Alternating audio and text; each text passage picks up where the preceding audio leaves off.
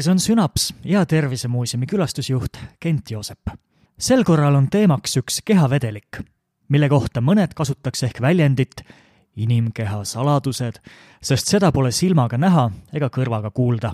ometi on selle mõju kehale vähemalt sama oluline kui näiteks süljel, verel või liigesevõidel. järgnevalt saame paremini tuttavaks lümfi ja lümfiringega palju on kuuldud liikumise ja massaaži kasulikust tervisemõjust. mõlemad loovad häid emotsioone, tõstavad lihastoonust, annavad meelerahu ja parandavad üldist enesetunnet. isegi kui mõnikord trenni minna üldse ei taha ja isegi kui treeningu ajal on tunne, et no täna pole kohe mitte see päev, siis hiljem on ometi kuidagi kergem olla. seal on mitmeid tegureid, aga oluline osa selle juures on täita ka lümfil sarnaselt vereringele paiknevad kogu kehas lümfisoonte võrgustik ja lümfisõlmed. aga kui vereringel on pump ehk süda, mis seda pidevalt voolamises hoiab, siis lümfiringel ja lümfil otseselt sellist käivitajat pole. lümf voolab aeglasemalt ja seepärast ongi liikumisel selle stimuleerimisel väga suur tähtsus. inimene koosneb suures osas veest ja vedelikest vesi moodustab umbes kaks kolmandikku kehamassist. kooliõpikutes illustreerivad seda pildid, kus inimfiguur on rinnuni vett täis. kehavedelikest umbes kaks kolmandikku on rakusisene vedelik ja kolmandik on rakuväline. rakuvälistest kehavedelikest ehk olulisemad on koevedelik, vereplasma ja lümf ning neid on veel meie tänane peategelane, lümf, on koevedelik, mis voolab lümfisoontes ja sisaldab palju lahustunud aineid. koosneb veest, valkudest ja lümfotsüütidest ehk lümfirakkudest ning organismi tunginud mikroobide jäänustest. lisaks võib sealt leida kahjustunud ja surnud rakke ning ka kasvaja- ja vähirakke, mis üldjuhul sel teel kehast välja toimetatakse. lümfotsüüdid tagavad organismile omandatud immuunsuse immuunsuse ülesanneteks on omakorda tagada organismile püsiv sisekeskkond ja eristada nii-öelda oma võõrast ehk tuvastada ja tegeleda kehasse jõudnud haigustekitajatega. kust lümf tuleb? lümfotsüütide moodustumine toimub luuüdis, kus need saavad alguse vereloome tüvirakkudest. osa lümfotsüüte areneb valmis luuüdis, teised aga küpsevad lõplikult lümfisõlmedes ja teistes lümfisüsteemi osades, näiteks põrnas. lümfotsüütide arengus on oluline koht veel ka tüümusel. tüümus ehk imetajate puhul laiemalt öeldakse ka harkelund, asub rindkeres, kopsude vahel südame kohal.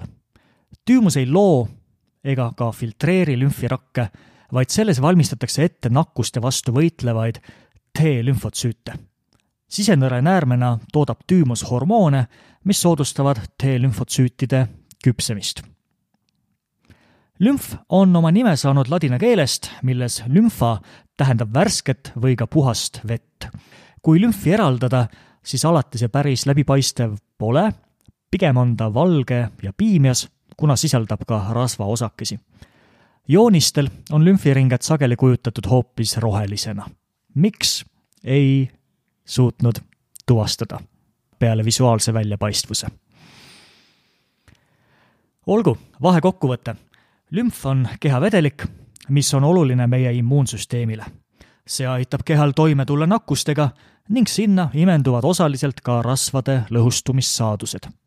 lümf koosneb veest, valkudest, lümfirakkudest ja mikroobide jäänustest ning voolab lümfisoontes. jätkame selle pinnalt lümf kogub vedelikku rakkude vahelisest ruumist ja voolab verre. oluline on siinkohal, et lümf voolab ainult ühes suunas, rakkude vahelisest ruumist vereringesse, mitte vastupidi.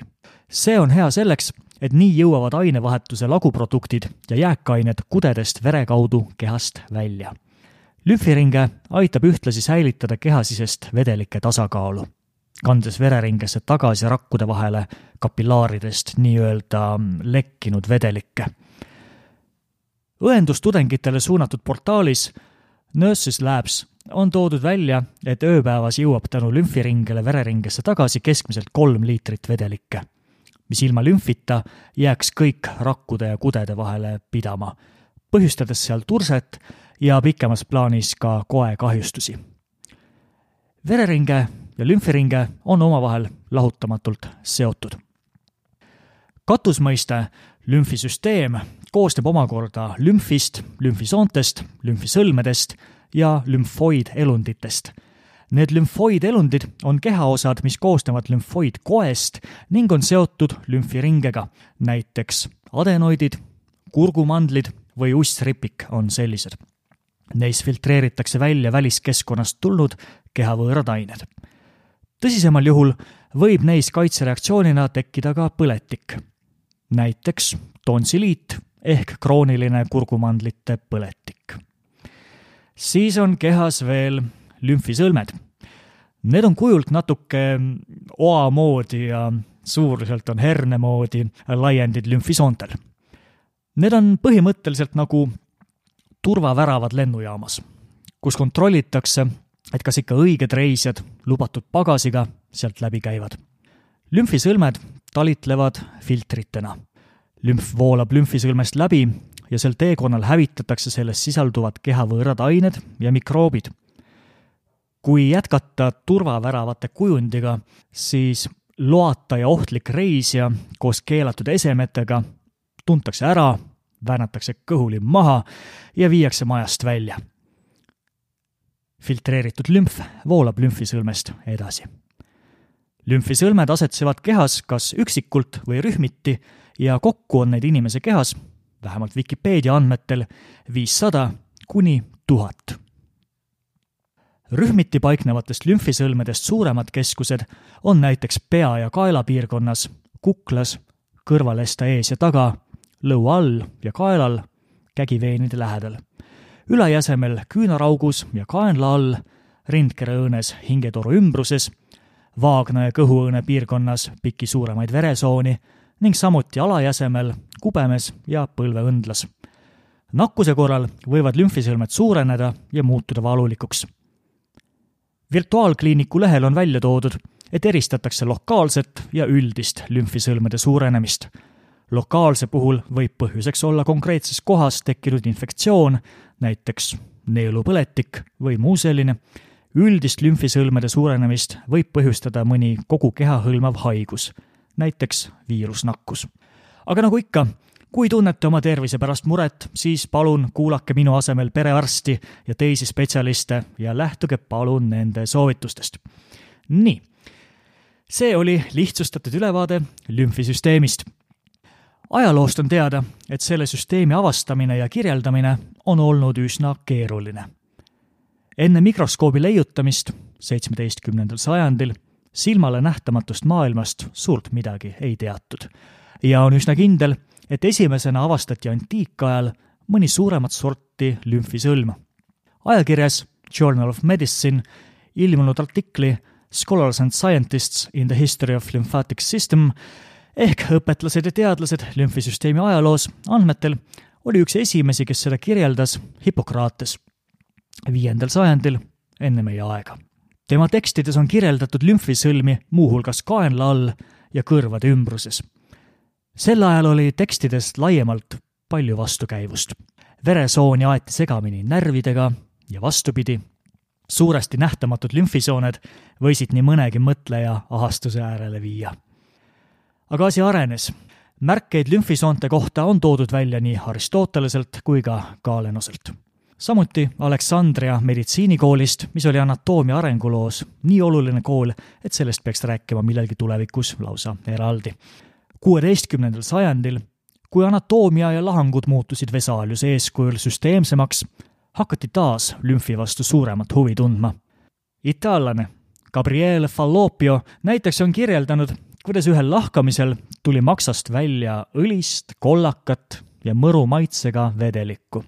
Aga ega ikkagi veel pikka aega väga midagi aru ei saadud ja enamasti lümfist väga ka ei räägitud. Esimesed terviklikumad inimese lümfisüsteemi kirjeldused pärinevad tuhande kuuesaja viiekümne teise ja tuhande kuuesaja viiekümne kolmandast aastast kahelt eraldiseisvalt ja üksteisest sõltumatult töötanud teadlaselt Toomas Bartolinilt Taanis ja Olof Rudbeckilt Rootsis, kes mõlemad kirjeldasid perifeerset lümfiringlussüsteemi ja ka mitut lümfisoont. kaheksateistkümnendal ja üheksateistkümnendal sajandil püüti terviklikuma pildi saamiseks ka lümfiringesse süstida erinevaid aineid, mis selle vaatluse hõlpsamaks muudaks. näiteks vana head elavhõbedat seda märkimisväärsete tulemusteta. pilt sai teravamaks siiski alles kahekümnenda sajandi teisel poolel, kui arvutite ja tehnoloogia areng tegi võimalikuks analüüsi näiteks kompuutertomograafia või magnetresonantstomograafia abil. viimastel aastatel on hakatud aina rohkem mõistma, kuidas lümfisüsteem on enamat kui pelgalt kehasisene transpordikanal lümfiringe põhjalikum uurimine võib anda võimalusi mitmete haiguste ennetuseks ja raviks. näiteks on üks selline võrdlemisi värske uurimissuund lümfangiogeneesi ehk lümfisoonte tekke uurimine, millest loodetakse leevendust hapnikuvaeguses kudede seisundi parandamiseks. näiteks südame isheemiatõve puhul on katsed hiirte peal näidanud põletiku vähenemist ja südamelihase talitlushäirete paranemist